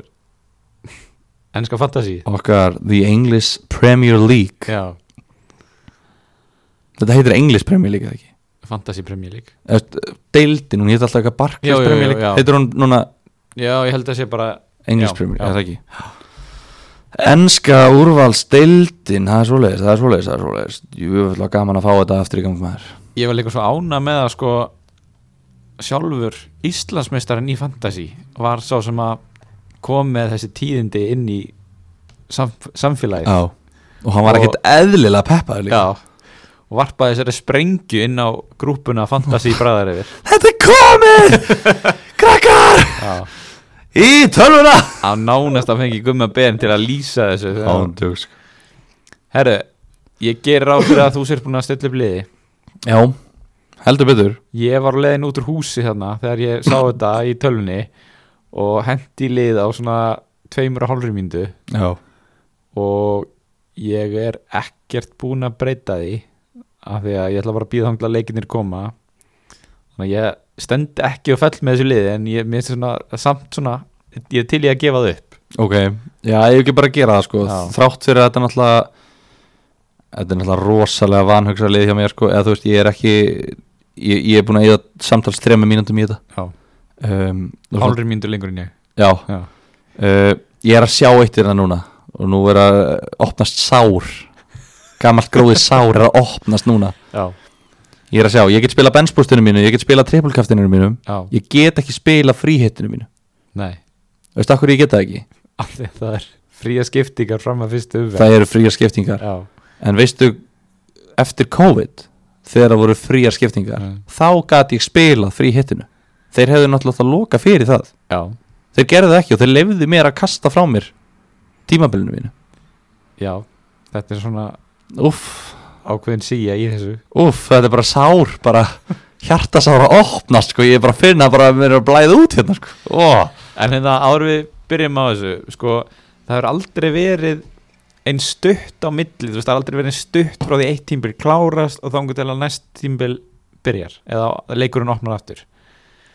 og mér svona ég hugsaði þetta gerir það örgulega verkum að fólk sko velur svolítið mikið sömu kallana og það var með endaði tímbili með þú veist, síðast tímbil já. þetta eru bara einhverja vikur sem líða þátt á milli og ég menna þessi leikmenn eru sumir að spila í Evrópukefnum duttur hendur allir út núna um síðustelgi en Mm kannski tökum það betur fyrir svona, ég veit ekki ég er klárlega með fullt af köllum í liðinu sem að ég kláraði síðust tímbil með og einhvern veginn ég er svolítið að velja bara ég náttúrulega horfið, horfið fyrst og fremst í bara value, Já. þú veist, reyna bara hvar er virði Mhm. í leikmönnum en ég endaði samt með pínu skríti lið Já. og hérna þú veist, uh, mannstu fyrir síðast tímbil þá var ógæslega mikið talað um að fólk ætlaði að vera go big at the back og vera með fjóra eða fimm í vörn Já. og bara mikið pening í vörninni og bara og svo bara einhvern veginn sá fólk bara já, nei þetta er ekki málið Já. núna er rosalega mikið verið að tala um að allir ætla að spila 3-5-2 þar sem að all, bara helmingurinn af leikmennum í leiknum eru miðjumenn, virðist vera Já, já, já. og rosalega mikið um svona, já, ég ætla bara að vera með einn sóknumann eða eitthvað slíkt Í 352? Nei, að þú veist þrí, margir að tala um 3-5-2 en kannski, þú veist að vera með Timo Werner hann vistur í mörgum liðum Já. og svo bara einn sóknamann sem kostar bara 6 Já, já. e, ekkert mikinn pening í framlínunni Nei, skilji. þannig að vilt þú ekki bara byrja Og ég byrja minn liði. eða ekki, Ok. bara markmunni Uh, já. Ég náttúrulega var hérna að tala um Big at the Back síðast. já, og þú veist talsmaður þess liðs, já, allt þangað til að koma að því að framkvæma það. já, Eins og náttúrulega allt sem þú gerir síðasta tímabil var þannig og, en núna ætla ég ekki að hafa það þannig núna ætla ég bara að koma með bara ég ætla að koma með sömu teik og, og eða ekki sömu teik, ég ætla að koma með eh, eins, ég ætla að spila þetta tímabil eins en að podcast eh, wise, þá ætla ég að koma, vera, haga mér eins út af því að ef ég hefði gert það ég hefði, að, ef maður er alveg hreinskilin, ég hefði líklega unnið tímabilið, eða stu, unnið deildina, bara hérna, nummer eitt í heiminum Já já, Hæ? Hvað? Hvað? Æ, þú ert, allt, þú ert samur við þig Hvað hva meinaru?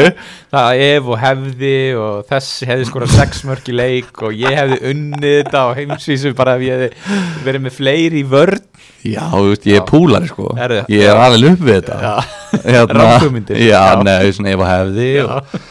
og, og næsta ár, það er alltaf, alltaf næsta ár ok, En nú er það hérna, að byrja Þannig að er, er árið ár þitt ár? sko, eh, málið er Aron Ef þú segir þetta alltaf Já, Eins og ég hef til dæmis gert alla ævi Já, við tökum það næsta ári Mm. Á endanum hefur þú rétt fyrir þér Og það var það sem að Liverpool gerði núna Við höfðum allir rétt fyrir okkur núna já, Og það er ógislega gaman til hamingju Þannig að núna, já, það er það sama Ég ætla bara, nema munurinn er, ég ætla að fylgja mín meginráðum Þegar ég er búin að taka þetta podcast Og við erum búin að klippa þetta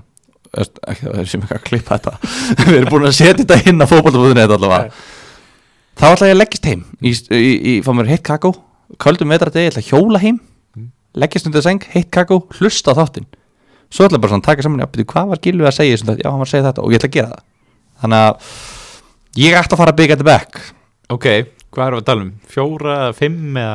sko liðið mitt núna er ekki byggja þetta back Nei, en það verður byggja þetta Ok, back þetta er bara svona fyrstu ég er með McCarthy í markinu Ok, Sáðantón 4,5 miljónir Já og mér finnst það bara að vera hrikalega gott valjú mm út af því að það eru aðri markmennarna eins og eh, Nick Pope sem kostar hvað 5,5 eða ekki Já, og þeir eru orðnir helvíti dýrir hérna margir hverjir Þú veist, Newcastle markmannar á 5 miljónir Vestham á 5, Crystal Palace á 5 Arsenal á 5, Everton á 5 uh, þannig að af þessum 4,5 þá eru með Fulham, Leeds og uh, Southampton eiginlega Mhm. og, og FBA mm nýliðarnir og Southampton getur þú sagt mér hvað meika sens við það? uh, nei. allir nýliðarnir Já, og Southampton erum við 4.5 já Ég get ekki sagt þér, hvað meika sens við þetta hvernig uh, hvernig stendur á þessu frekar heldur en skiluru uh, hvað En er að segja Þú ert líka með Matti Ræjan á 4.5 í Breitón já og Brighton líka já. Markmaður sem sta hefur staðið sjágætla og er núna næst vinsælastur og eftir Nick Pope já en ég ætla bara að segja það núna ég hef ekki góða tilfinningu fyrir Brighton á næstu tímabili Nei, ekki heldur en ég hef góða tilfinningu fyrir Southampton Ég hef oft verið með Nick Pope, nei, Matti Ræjan og hérna ég er ekki, hann er ekki í mínu valsetti núna sama hjá mér sko það, þetta skip er bara hefur silt sína leið sko Já, ég ve, þú veist, heldur hann skipt um lið árið tímbili byrjar Ryan Já, nei nei okkur er ekkert lið sem vandar markmann Getur notað hann Sheffield nei Já. þeir voru að fá Ramsdale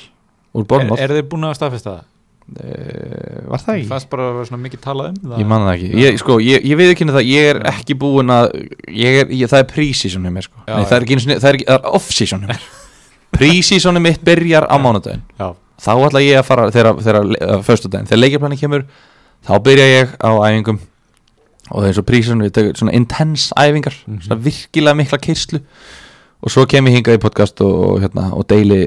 því sem ég hef pikkað upp og þú gerir það líka, Aron, ég ætla ekki að vera Já. einn að læra heima eins og alltaf síðasta vetur sko. einmitt Ég bar þig á herðum mér síðasta veit Herðu, einna markmennir sem ég tók veitu, Þú varst með McCarthy og Bara einhvern trúð, Bötton Button, eins og allir Bötton er orðin einhver, þetta er orðin svona ákveðin góðsögn sem fjóra miljónkunar markmann Já, Það er að maður er alltaf með Bötton já Ég- Við þetta fyndið En sem sagt, ég er með McCarthy mm -hmm. En svo er ég með Martínez í Arsenal Já, það er áhugvart Já, hann er á 4.5 Ég held reyndar að þetta sé, eins og ég talaði um ég held að þetta séu þeir tveir markmenn sem ég kláraði síðast timbil með en sko bara svona sem Arsenal maður Lennó náttúrulega lendi í svona meðslum sem að virkuðu slæm fyrst en reyndu svo ekkit svo eitthvað svakalega slæm mm -hmm. en bara miða við framistöðunar sem Martínez sindi, hann er búin að vera í tíu ár hjá liðinu og, og annað þú veist, ég veit ekki hvernig þú gæti réttlætt að hendun múr liðinu þú veist í byrjun nýst tímbils Martínez Já Þannig að ég held og bara svona, ég held að þetta verði svolítið bara svona að Martínez verði bara í markinu þanga til hann gerir einhver mistök í kannski tveimur leikjum í röð og þá er þeir til í að prófa að skipta uh, Ha, Já, og hvað, og Leno bara, herru, blessa Leno uh, Því miður, þú meittist hérna, þú varst aðalmarkmann okkar allt tímabilið í fyrra af ríkri ástæðu og hann stóð sér mjög vel Já, og Það þú var- ert búin að vera að verja drullu vel, Já. fullt af skotum sem að áttu ekki að geta varðið en þú náðir að verja en þú meittist og bara því miður þá ætlum við ekki að spila þig meira En það er allavega, það er bara mikil umræðu um það hjá- í hjá Arsenal samfélaginu Það er aldrei að fara að gera Svo er markmaðurinn séð að fara að byrja Já, Leno Þú ert alveg handið þessu það Já, bara, þetta er bara að segja sér sjálft Ok, Þetta, þetta er aðal markmaðurinn í liðinu Já, já, það er svo, Þú- það er svo ekkert komið á hreint hvort hann verður alveg klár í byrjun nýst tímbils svo, svo ég viti allavega Já, nei og bara, þú veist, eins og, eins og Kepa og Caballero ef við tökum já, Já, já, það kepa gjörsamlega spilaði sig út úr liðinu já, Þú veist, hann, hann meittist ekkit út úr liðinu hann Nei. spilaði sig út úr hann liðinu varði svona nýju skoti yfir allt tímbili já, af svona f- 60 skotum Já. en, og þú átt lélega leik og- og hann, hann gaf Caballero tækifæri eitt leik til hann fá uh, kepa á tætnar minni mig Já. og svo fór kepa aftur í byrjanarlið og, og hann held áfram að sökka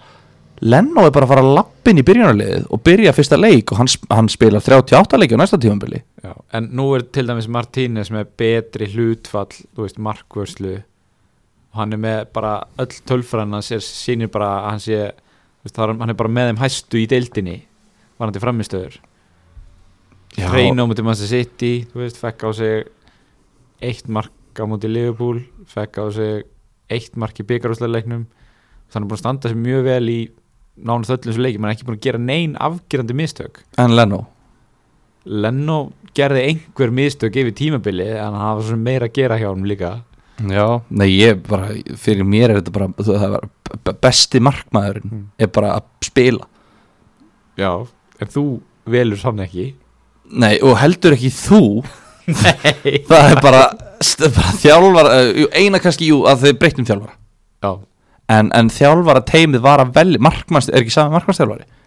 ég held það reyndar Menum við sjáum í mörgum liðum að markmannstjálfarin velur bara markmann Hann segir bara þessi markmaður spilar og þjálfarinn bara, ok, ég treyst þér, hann er, er hann betri markmaður? Já, hann er betri markmaður Ok, ég veit ekkert um það, ég er bara einhver gamall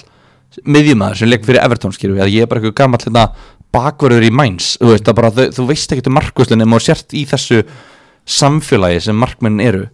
og hérna og ef að Leno er búin að vera valinn allt tímabil út af hann, er be- hann þetta er aðalmarkmaður leysins já, en hinn var aldrei búin að fá tækifæri Nei, ok, Já, já, hættum en- bara- hættum allt og að tala um lengi, þetta, já. allt og lengi bara Ég var að stíga inn í hérna, Eina- sem fyrirleið þáttarins eina- sem fyrirleið þáttarins er hann við geymum þessum ræð, setjum hann í ís eina sem ég langar að hana, bæta við markmanna umræðina er varandi fjara miljón krónar markmenn er ekki Nýland í Aston Villa að fara að starta Er það málið? ég held það Já, ef hann gerir það þá náttúrulega, já, byrju, jú, út af reyna var á, hvað, láni Eða já, hvað? já. og er hítun bara dáinn Heaton er ennþá í krossbandamislum sangkvæmt fantasi allavega Þeir hljóta að fá annan markmann sem Nýland náttúrulega getur ekki mikið en, en Nei. það er allavega Fyrst þú þurftir að fá Pepe reyna þarna inn í þetta lið til að bjarga þeir frá því að þurfa að spila nýland, sko, þá er Já. staðan ansi slæm hann get, já en lókum þessar umræðu Já, já, herru, varnamennin já, uh, það að Trent Alexander Arnold kosti 7,5 miljónir Mm. það er mesta grín í sögu fantasi finnst þér það? Já. og þeir eru bara að þessu svo það sé hægt að gera lið eða, þú veist, þetta er bara svona ok uh,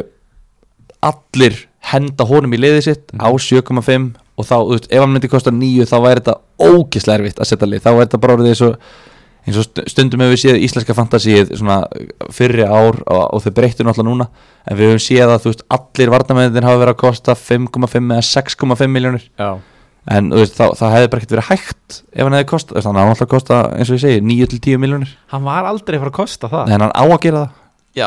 en þú varst hérna bara ha, hvernig þeir geta ekkert láta hann kosta minna en nýju eða Nei. eitthvað nei, þú veist. nei. En hvað segir það núna þegar hann kostar 7,5? þetta er bara út, þetta er bara gjafaprís Já, þeir sem eru ekki með Trent Alexander Arnold í liðinu sínu þeir mega hægt að hlusta á þetta podcast hann er samt bara í 56 brúst liða Já. Já. 44% af hlustundum mega hætta, mega slökka núna og aldrei hlusta á okkur aftur Það er algjörlega pointless að vera að hlusta á þetta podcast eða ætla ekki að vera með Trent Alexander Arnold í liðin, liðin ykkur Okkur er alvara hérna Arnold. Við erum að, við erum að gera Já. þetta Nákvæmlega eða, þú veist, Ert þú ekki með hann? Jú, jú Já, Ég já, er þetta, með. þetta er bara, hérna, þetta er bara eins gefið og gerist Það er reyndar mjög gaman eftir alla þessa puntaðina að segja Nei, ég er reyndar ekki með það Ok, bless Ég segi upp uh, Svo er ég með Robertson líka Ok, á sjö Já. ég, ég þarf bara að sjá aðeins þú veist, ég er, þetta er hluta minni big at the back stefnu Mhm. ég er með Matt Doherty á 6 ok ég er með Egan á 5 John Egan í, í Sheffield E, Áttu einhvern pening eftir eða? Þú veist, þú ert búin að telja upp bara dýra varnamenn eftir dýra varnamenn já ég er big at the back já, og hvað er síðasti? uh, einhver Douglas í Leeds Ok, Barry Douglas Ég þarf aðeins að sko, ég þarf aðeins að sko þetta betur En sko, mér langar ég meira Ég er að pæli að s- s- taka Douglas út fyrir sko bara uh, Van Bissaka eða eitthvað Já, Ég vil að fara aðeins stærri í vörðina það er meiri pening þar Meiri perik En ég á sko 2,5 miljonir í bankanum Ég gæti gert það Þú ert eitthvað ruglaður Já, ég er eitthvað rugglaður Ég heyri það að þetta er ekki þitt endarlega lið Nei, nei, nei, nei, þetta, þetta, þetta var breytast svo mikið sko Ekki það mitt sé endarlegt en mér finnst bara svona, Já, já þetta, þetta, það er kannski tveira, eh, Trent er örugglega eini sem verður í liðinu þegar leikur hefst á ég segja mína varnamenn Já, Ég er með Trent, yes, ég er með Matt Doherty á 6 já, Ég er með uh, Nathan Ferguson í Krista Pallas sem mm, kostar fjórar ok og mér heyrist að hann sé keifturinn til að vera hægri bakurinn nummer eitt Ke- Kelly þá bara eh, okkar maður Hann er cancelled er okkar maður cancelled Kelly er búið að cancella Já, Kelly mér heyrist það sem með fimm reyn lög í átta leikjum hérna í oktober Já, þú fóst vel yfir það En hérna Fantasy samfélagi virðist allavega að vera svona þú veist, að treysta einhverjum orðrúm því að hann er í 14,3 brúst liða Þetta virðist vera svona varna maðurinn sem kostar fjórar sem er ekki í liði nýliða í ár Já, við munum eftir einum hægri bakverði í Krista Pala sem kostaði fjórar Já, það var nú reyndið sér vel að vera með hann þannig að hérna, þetta er einhver, einhver tilraun allavega uh, Svo er ég með William Saliba í Arsenal Saliba, ég ætla að vera í Saga Saliba á 4,5 Já, hver er þetta? þetta er strákur sem er að koma núna frá San Etienne sem er keiftu á 30 miljónum punda Ha? uh, fyrir síðast tímbil og lánuð hann í eitt ár til San Etienne ok þetta er svona stór og sterkur, rólegur á boltanum þú veist, miklar vonir bundnar við hann það voru nokkur liða eftir honum en hérna það er reiknum að vörnin hjá Arsenal hefur nú miðverðin hafa nú ekki beint verið að spila sig inn í liðið þannig að það er reikna með að þessi strákur byrji sem flesta leiki ok, og aftur mikil umfræði sam- í fantasy samfélaginu um hvort að hann, hann er klárlega í valsettinu fyrir 4,5 miljón leikmenn og hérna hvað þá þegar að flestir ætla að byggja vörnina þannig að vera með trend og svo ódýra varnamenn en áhverju ekki að taka einhvern á 4,5 í Newcastle frekar eða Fulham eða eitthvað ég er bara svona sem er örugur munur Nei, bara sem heldur átt á hreinu Já, við, ég meina Arsenal hjælt nálega eitthvað reynu eftir að Arteta kom og eftir COVID-básuna Hvað oft? Ég er ekkert með það fyrir framann mig, þú veist það alveg Þú ert ekki með neina heima Þú ert bara að kasta fram einhverju og svo byrðum maður um backup og bara Ég veit það ekki Já, ein, við munum fjóru sinni með það Byrð hlustundur um að fact checka þessi orðaróns Takk En allavega, ég meina það, við látum þetta bara koma í ljós Já, já, Býðum og sjáum en við byrðum að sjá Já uh, Svo til að loka vörninni uh, Sko eftir að við slögtum á mækunum hérna síðast Þegar við vorum með Gunnar Björn Ólafsson sem gest Þá sagði hann við okkur Strákar, ég held ég sem mun að finna hér nýja Lundstram Og við sagðum nú Hann sagði já, Stuart Dallas í Leeds Varnamaður sem spila mikið á kantinum og eða miðinni Já, og hann er á 4.5 þannig að ég þangar til annar kemur ljós þá er hann í liðinu mínu já ef það er einhver sem við ættum að hlusta á, þá er það líklega Íslandsmeistarinn í þessu sko Já. þannig að ég legg allt mitt tröst á hann Það er líka bara eins gott að hann verði með hann Í liðum, hann sé ekki að gilfa yfir sig hérna og segja eitthvað sem hann gerir svo ekki sjálfur það er hérna, svo hefur við bara eftir að sjá þú veist, hjá nýliðunum ég var eitthvað að pæli í, í Vestbromits hérna þessum hvað heitir hann, AJ en hann er á 5 stór miðverður sem skorar svolítið að mörgum í hotspinnum og svona, mm. en hann kostar 5 þannig að ég ákvaða að slá það strax út af borðinu En gipsarinn Kenan Gibbs, hann er á 4-5 Já, þú sem, sorry, ég er að klára að borða Þú, þú sem arsenalmaður já, mér finnst bara nóg að vera með sko núverandi assermenn í liðinu þú veist, og hrúa þeim inn ég Ég er þarf, ekki að reyna að vera leiðilegur Aron ég þarf ekki að taka Theo Volkott og Alexi Vopi og fleiri góða Ég er ekki að reyna að Já. vera leiðilegur Ég myndi frekar hafa fyrfirandi arsenalmenn í liðinu mínu heldur en núverandi ertu vissum og sért ekki að reyna að vera leið ég... Nei, nei, Nei. ok, ég var smá að reyna að vera leiðilegur En líka hreinskilin á ég að halda áfram að fara í miðina Já, á meðan þú klárar að þá borða var ég búin að bora herru, til að sko fullkomna Arsenal glerun þá er ég með Bukai og Saka á miðinni 5,5 já Ha? En það er nú kannski til að gera pláss fyrir uh, Mohamed Salah á 12 Bruno Fernandes á 10-5 og svo svona, þú veist, svo ég gerir áfæri þetta eigi bara eftir að breytast en ég er eins og er með Phil Foden á 6-5 og Thomas Suchek á 5 Ok, ok, ég er búinn Hmm. Hvað í fokkanum á Saka á 5,5 miljónir að koma þér áleiðis í Fantasí? sko ég þarf algjörlega að sjá hvort hann er að fara að spila ef hann er ekki að fara að spila þá fer hann alltaf beint út en þetta fer svolítið eftir því bara ef Asin ætlar að halda sig við leikplan sem, þú veist, leikaðferð sem er 3-4-3 og Saka á þú veist, er að fara að spila einhverja leiki í annarkvort væng bakverði eða á kantinum þá er ég alveg til í að taka sensin á þessu 5.5 hvað þú veist, það er hérna aðrir valmöðleikar ég séð hérna Saint Maximin í mörgum liðum á 5.5 sampinning en mér fannst ekkert eitthvað geggjaðir valmöðuleikar þegar koma ódýri miðumennum sko Lundstram á 5.5 frekar en Saka já King Lundstram sko Uh, nei, nei, þú veist, jú, jú, þetta er bara ég menn þetta er bara fyrsta draft og Já, þetta er eftir já. að breytast Já, og- já, við verðum líka bara að leifa þær að vera með þín gliru í Já, þessum já, leik já, já. Það er erfitt að kenna gömlum Arsenal hundi að sitja sko En já, Sala Fernandes aðtegli vekur að þú ert ekki með eh, kefindubrunni Stigasta leikmann fantasi á tímambilinu já sko Ekki sá dýrasti, en sá stigahæsti hvað þú með þína miðumenn og síðan tökum við umræðinu miðumenn Ok, ég er með Sala já Ég er með Phil Thoren já Ég er með Kevin De Bruyne mm. Ég er með Mason Grenwood ok og ég er með James Mark Carthy á 4,5 miljónir í Krista Palace Ok Sko vandamálið í ár ja, vandamálið, svona luxus hausverkurinn verður svolítið hvaða miðjumenn er ég að fara að velja af því að þú ert með Sala þú ert með Mane, þú ert með Störling þú ert með Kevin De Bruyne þú ert með Aubameyang núna á 12 sem miðjumann, mm þú ert með Bruno Fernandes á 10.5 Rashford 9,5 á Rashford á 9.5 er ég að glemma einhverjum? Nei, svo er bara Son og Mares næstu menn Já Þannig að þetta verður hellingshausverkur og spurning hvaða tvo til jafnvel fjóra af þessum þú ætlar að taka í þitt lið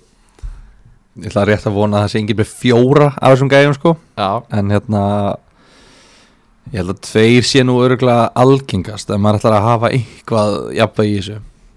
en já reyndar, þú ert með dýristu vörð sem ég hef bara heyrt af í fantasi þannig að hún verður dýrari Já, Býtu ok. bara Býtu bara En já, ég, þú veist Kevin De Bruyne var annar maður á blaði á mér Já. Á eftir trend Ok, uh, Mohamed Salah fekk færri stig í fyrra Og kostar meira já, hann kostar meir en Kevin Hann er dýrari en Kevin Já. Og fekk færri stig Þannig að ég get ekki réttlætt það Að taka Salah En ekki Kevin De Bruyne, skilju Já, Ef þú ætlar að vera með s- eins og eins og þú, þú veist Ég, ég bara skilju bara eins og þú ert með Salah þú- En ekki Kevin De Bruyne mm uh, en ekki það að tímabilið fyrra er ekkit endilega að fara að endurtaka sig núna en ég held að Kevin De Bruyne eigi bara jafnvel fleiri stig inni heldur en Sala út af því að City var ekki að vinna til dæmis eins marga leiki þú veist, þeir munu vinna fleiri leiki á næsta ári Mhm. heldur en þeir gerðu og eh, eru, þeir minna að samkvæmt veðböngum eru þeir líklegastu til að vinna titilinn þannig að það er svona og Kevin De Bruyne er bara svo ógislega góður ég get ekki haft hennar leikmann að spila í þess að deild án þess að geta fengið stig fyrir það sem hann gerir sko Ó, Mér finnst það erfitt að heyra þið segja þetta sko af Því að ég er bara, ó, ég verð að kaupa hann en mér, sko, mér langar það er eiginlega ástæðan fyrir mér langar að vera með Bruno Fernandes en ekki Sala út af ég held með Liverpool og það er ekkert mála Sala skori og fagna því mm. þú trúir ekki hvað það er búið að bögga mig núna því ég var aldrei með Bruno Fernandes í liðinu mínu held ég í fyrra Já. út af því að ég út af bara Þegar þú varst að keppa Já, það hefur bara komið fram bara margsinnis En ég vil samt að það sé skýrt að það er ástæðan uh, Að sjá þá fá öll þessi víti Og þú veist bara að Hann er að fara að skora Það- þú- Þetta er eins og að sjá ekkert fá færi Og þú veist að hann mun skora eftir tvær mínútur Þú ert að býði tvær mínútur Og þess að það er 0,1% vonum um hann klúri Það gjör sannlega að drepa mig sko Þannig að ég nenni ekki að vera án Bruno Fernandes Ef hann ætlar að vera að skora úr vítum í hverju meinstalleg Já, fyrir utan náttúrulega hann þú veist, legg- leggur upp mörk og skorar alveg mörk öðru hverju úr open play sko. Já, fyrir utan það síðan að hérna, þú ert með eitt garantera mark í leik Já. og svo líka jafnvel meira sem að var yfirleitt að gera þannig að þetta er svona og þetta er, hann tekur hotspinnur og aukaspinnur og allt saman Já, ég er, að- ég er að segja það sko þannig að þetta er, þetta er þreytt sko en ég heyrði bara einhvers staðar á förnum vegi að tölfræðin á bakvið Bruno Fernandes væri ekki að bakka upp þú veist, að að hann hefur verið að overperforma í, Já. í fyrra ég ætla að skoða þetta bara í prísinsoninu mínu og, og sjá hvort ég þurfi að, að hafa hann í liðin en ég er mjög spenntur fyrir Greenwood á 7.5 Já, finnst þér hann ekki svona miljón of dýr nei mér finnst það ekki sko Nei. út af því að hann var hérna við, við tölum um það í fyrra bara hvernig er þessi strákur ekki að spila meira Já, og svo í lokin þá var þetta orðið bara Greenwood Bruno Fernandes og Rashford og Marcel Fremstur það var bara orðin front four hjá þeim og þeir voru að spila bara hrikalega vel skemmtilegu fótball sem þeir spila ég sé bara fyrir mér að hann verði bara þú veist, ég veit ekki, ef, ef Sancho er að koma í manni og þá náttúrulega breytist þetta Mhm. þá veit ég ekki hver fer á bekkin líklega Greenwood en maður veit ekki ég var líka bara til að sjá Greenwood bara fremstan já og bara Martial má bara vera eitthvað starf annars það er þess vegna sko Mm. og Rashford að bekkin eða Martial Svo náttúrulega ekkert víst að allir þessi gæðar komist heilir í gegnum tímabilið sko já, nákvæmlega en, en eins og staðan er núna með núverandi leikmannhóp þegar að Greenwood er að keppa við hvað Juan Mata, Já, alltaf ekki Lingard, Dan, hvernig er hann Dan, að Dan keppa James kannski Daniel James, já, sem að við hefum ekki séð síðan hann skoraði markamótið í Chelsea sko Já. Þannig að ég held að hann verði bara byrjunarleismæður á 7,5 og hann náttúrulega skorar rosalega mikið, þetta er frábær slútari Þannig að hérna, ég er mjög spenntið fyrir honum Ok, þú tekur Phil Foden eins og ég Já, heldur hann fái sjensin í ár eftir brottfur David Silva það er náttúrulega það sem maður er að hugsa Já, að það er bara Silva er að fara, hann er farin Mm. og vonandi en verður fótinn þetta en þú ert náttúrulega, þú ert með Mares þú ert með Bernardo Silva sem að bara þeir báðir duttu bara eiginlega út Bernardo Silva var orðin sko li- mikilvægasti maðurinn í englandsmestartitlinum í fyrra já hitt, Nei, hitt í fyrra. Já, Erst- já, já, þú Vist, þar síðasta tímbili já, já. það var að margra mati Bernardo Silva já, hann var geggjaður það tímbili hann var sturdlaður og svo núna byrjar hann bara ágætur en svo er hann bara kældur þetta er þvílitt duglegu leikmann hann hleypur endarist, hann er með mikil gæði hann er mjög góður, þetta er bara solid fantasy leikmann líka á 7,5 miljonir og hann fekk bara þvílitt lítið hlutverk núna ég sé alveg fyrir mér að Pep Guardiola segir bara, heyrðu, Bernardo bara sorry, ég skeit á mig bara, þú veist þú áttir auðvitað að spila alla leiki og við getum alveg séð Kevin De Bruyne Bernardo Silva, Störling og Gabriel Jesus eða Aguero og Mares og Fóten, skil- þú veist þetta er orðið svolítið mikið sko, þannig að ég veit ekki alveg með Fóten en Fóten var líka að delivera þegar hann fekk dagifærið oft Já, maður svona hugga sig svolítið við það hann, þú veist, verðast geta slútað og, þú veist, Já, er þetta er, bara solid leikmaður sko. þetta er, hann er með til, svona marka nef sko, Já. finnst mér og, og hérna góður í sjók sko. þannig að Svo ég- bara eftir að koma í ljós hvort hann spilar á hægri kantinum eða miðinni Já, ef hann spilar, ég nenn ekki að vera með 6,5 miljón krónar varamann í sitt í Nei,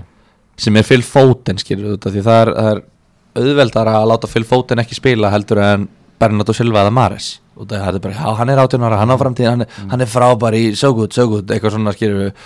hann er hérna, já, ég veit ekki ég, ég... Oh, hvað á maður að gera Ég veit það ekki Viljan er á 8 miljónir, hann er búin að hækka um miljón og hann er að fara í Arsenal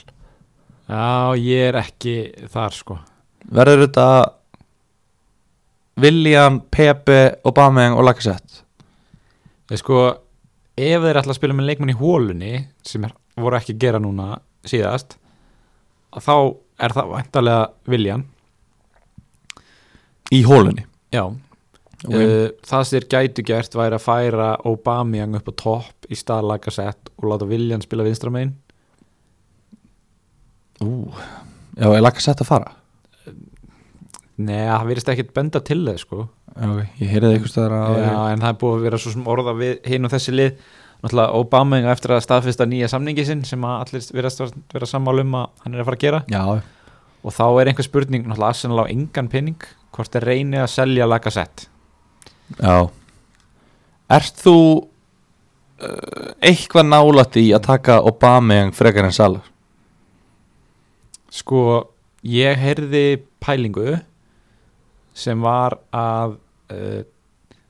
taka auka varnamann í Liverpool Mm mm. því þú færð fullt af stígum fyrir þá og taka frekar og bamjang í staði fyrir salað manni Akkur ekki veist, hvað, hvað ja, Eða- þessi auka eða- varnamaður að gera fyrir þig eða þú veist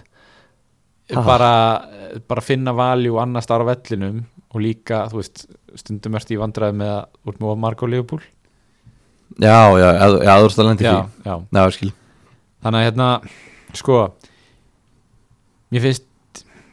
mér finnst ég þurfa að vera með Bruno Fernandes mér finnst hann besta valueið af þessu leikmönnum það sem Ok. hann kostar minnst 10,5 já. Já, Uh, mér finnst ég ekki geta verið með þrjá allavega eins og er nei þannig að Sala er þetta eins og er ég er bara eftir að sjá þú veist, hvað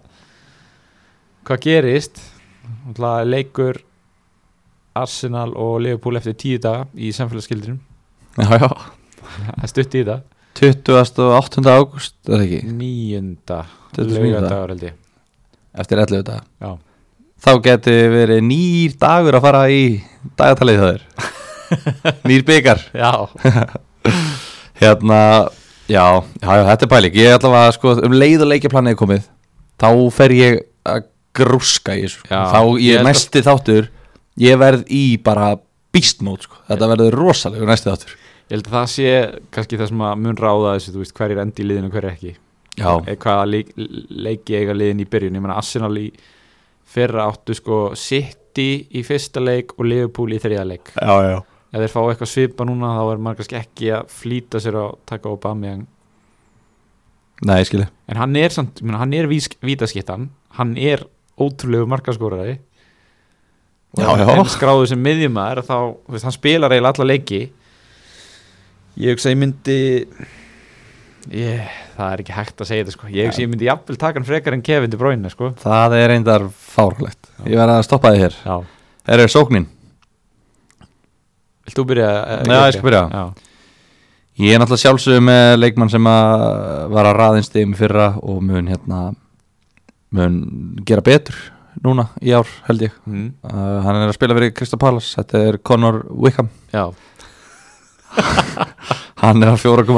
og, Ok. og fekk 15 stig ok á síðasta tímambili þannig að ég pynt mikla heil von 15, já Já, en ég held að þau gætu tífaldast fekk hann fleiri en eitt í einu, einhvern tíma uh, Ég sé það ekki hérna. já, heima Nei, hérna. það er góð spurning sko Nei, öruglega ekki Hann kom öruglega bara 15 sinni minna Svo er ég með eitthvað gæði hérna Keinan Davis Keinan Davis í Aston Aston Villa já, Bara því að bara, hann fekk 25 stíði fyrra líka á 4.5 Og hann er bara, það er 20% sem eiga hann Og þetta er bara hjarð hegðunin fekk sko. að spila slatta eftir COVID-bósuna sko. Já, ég er bara Já, ég veit ekkert um hennar mann sko uh, Nei, Þannig að ég er með 2.4.5 Og ég er bara með eitt framýra Og það er Raúl Jiménez það er svoleiðis Það er svoleiðis á 8.5 Já 194 stegi fyrra og það er bara engin annar sem mér langar að eiga sem, veist, ég sé ekki valjú í neinum sko. Varti á 10 miljónir er bara raunvirði finnst mér já, Kane búinn að droppa í 10,5 hann þyrfti að droppa undir 10 til að ég væri eitthvað að kaupa hann Aguero búin að droppa í tík þú veist það er eiginlega allir búin að droppa sko já, þetta er bara, já, Martial á 9 er galið uh, Ings á 8,5 er það er ómikið það er of mikið, Já. það er ekki galið kannski Nei. en það er of mikið já, uh, Werner á 9,5, nei takk skoraði eitt mark og hyrðu svo í mér svo er þetta bara eitthvað prump sko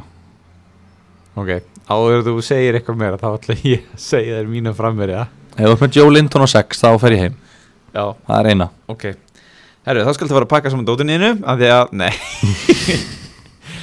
ég var bara, ég held að ég var fann að trúa þér sko nei ég er með tímaverðinar já, á 9.5 ég vissi að þú væri með hann já, þetta var svona, ég vissi að þetta var svona eitthvað svona gæði sem þú myndir peppast yfir þig ö- yfir þetta sko já, þetta- ég er til ég að taka sensin á þessu já, og hérna, fyrir þennan penning ég hefði jafnvel búist við að hann myndi kosta meira já, ég var að búast við kannski 10-5 jafnvel, Já, já. uh, ég menn hann verður algjörlega strækir nummer 1 í TLC og hérna svo er bara spurningum aftur leikjaplan og annað þú veist, að verða allir heilir púlisits náttúrulega eitthvað frá þannig að maður bara það er svolítið svona býð og sjá en ég reikna með að hann verði strækir nummer 1 hjá mér já, svo erum við Martial á nýju ha já ok, og svo var eiginlega- vantaði mig eiginlega bara síðasta mann til að fylla í liði mhm átti samt einhvern pening sem ég nefndi ekki að setja annar staðar Mm-hmm. þannig að ég tók Mikael Antonio Nei Á 6,5 já, Gera sko ekki það að ég þurfa eitthvað eða ætla eitthvað að fara að réttlæta þetta val þar sem ég ætla ekki að örglega ekki að halda mig en pælingin var basically svo að bara hann, ég meina, hann skoraði tíu mörg á síðust tímbili einhver jafnvel 7-8 eftir pásuna þar að fjögur í einu leikana hann var að spila frammi náttúrulega er þá frammeri núna mm um, ég veit það ekki mér, mér, ég held að sé eitthvað þarna sem strækir nummer tvö eða jafnvel þrjú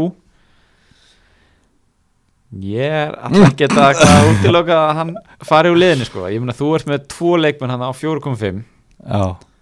þannig að þú ert það má ekkert mikið út að bregða þú veist, ef að þú ert með tvo sittimenn sem að starta ekki eða það meðist einhverju uppbytunni eða eitthvað, það kemur ekki inn á en já, Já, menn það má ekki út að breiða Nei, nei. Og þú, þú, ert líka, þú verður að spila með að minnstakosti eitt sóknumann Þú getur ekki Já, já. að spila fjó- 5-5-0 skilur, Já. eða eitthvað þannig að ef að Jimenez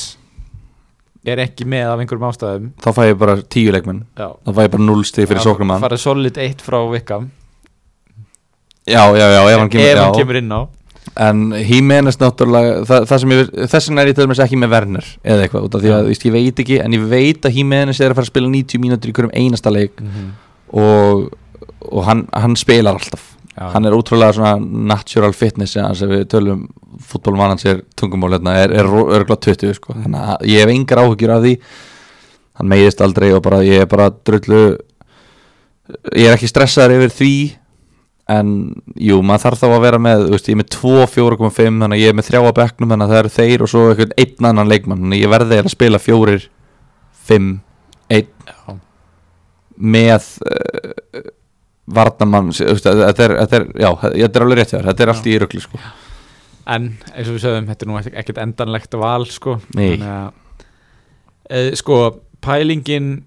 með Martial e, mögulega tek ég bara Greenwood frekar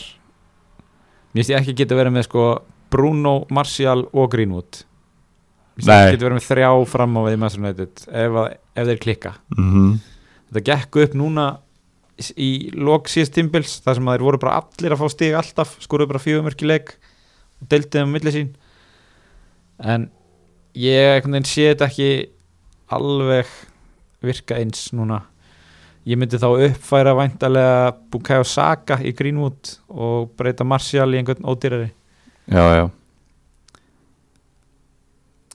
ef það setja gott eða uh, Já, Ég held við höfum ekkert meira um þetta að segja núna nei, nei Við erum þetta Eða bara- bara... fara aftur í markmannu umræðinu hérna, Martínez og Nei, nei. Nei, nei, hún er búin Ég getum tekið hana bara off-air og, og tekið bara klukkutíma að ræðu um þetta En hérna, já, við heyrumst líklega í, allir sér ekki bara í næstu hugu, næst Já. Þá verður umferð búin í gataboltanum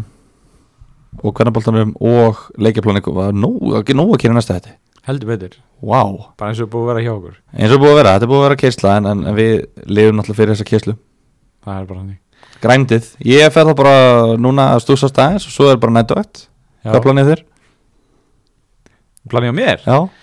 Ég er bara að reyna að skipulegja einhverja nýnum að kynningar og eitthvað fyrir mig, Mér í háskóla, fyrir mig taka á vel á mútið þér já, hvernig hérna, hvernig verður þetta? Það er ekki alveg komið ljós En þú fær pósta á morgunu hinn að það er málið, Já, ég... Eh. frá þér verður Já. hverja Aron, Já. hverja Aron fantabróðir Já. verður að gera það, please Senda sér pósta þig já, PS, ég hvita alltaf að hlusta á nýjasta þátt fantabræða sem kom út í kjönd já, já, herru, nei, við mælum bara með að allir fara í háskóla Íslands það er besti háskóla landsins og heimsins takk fyrir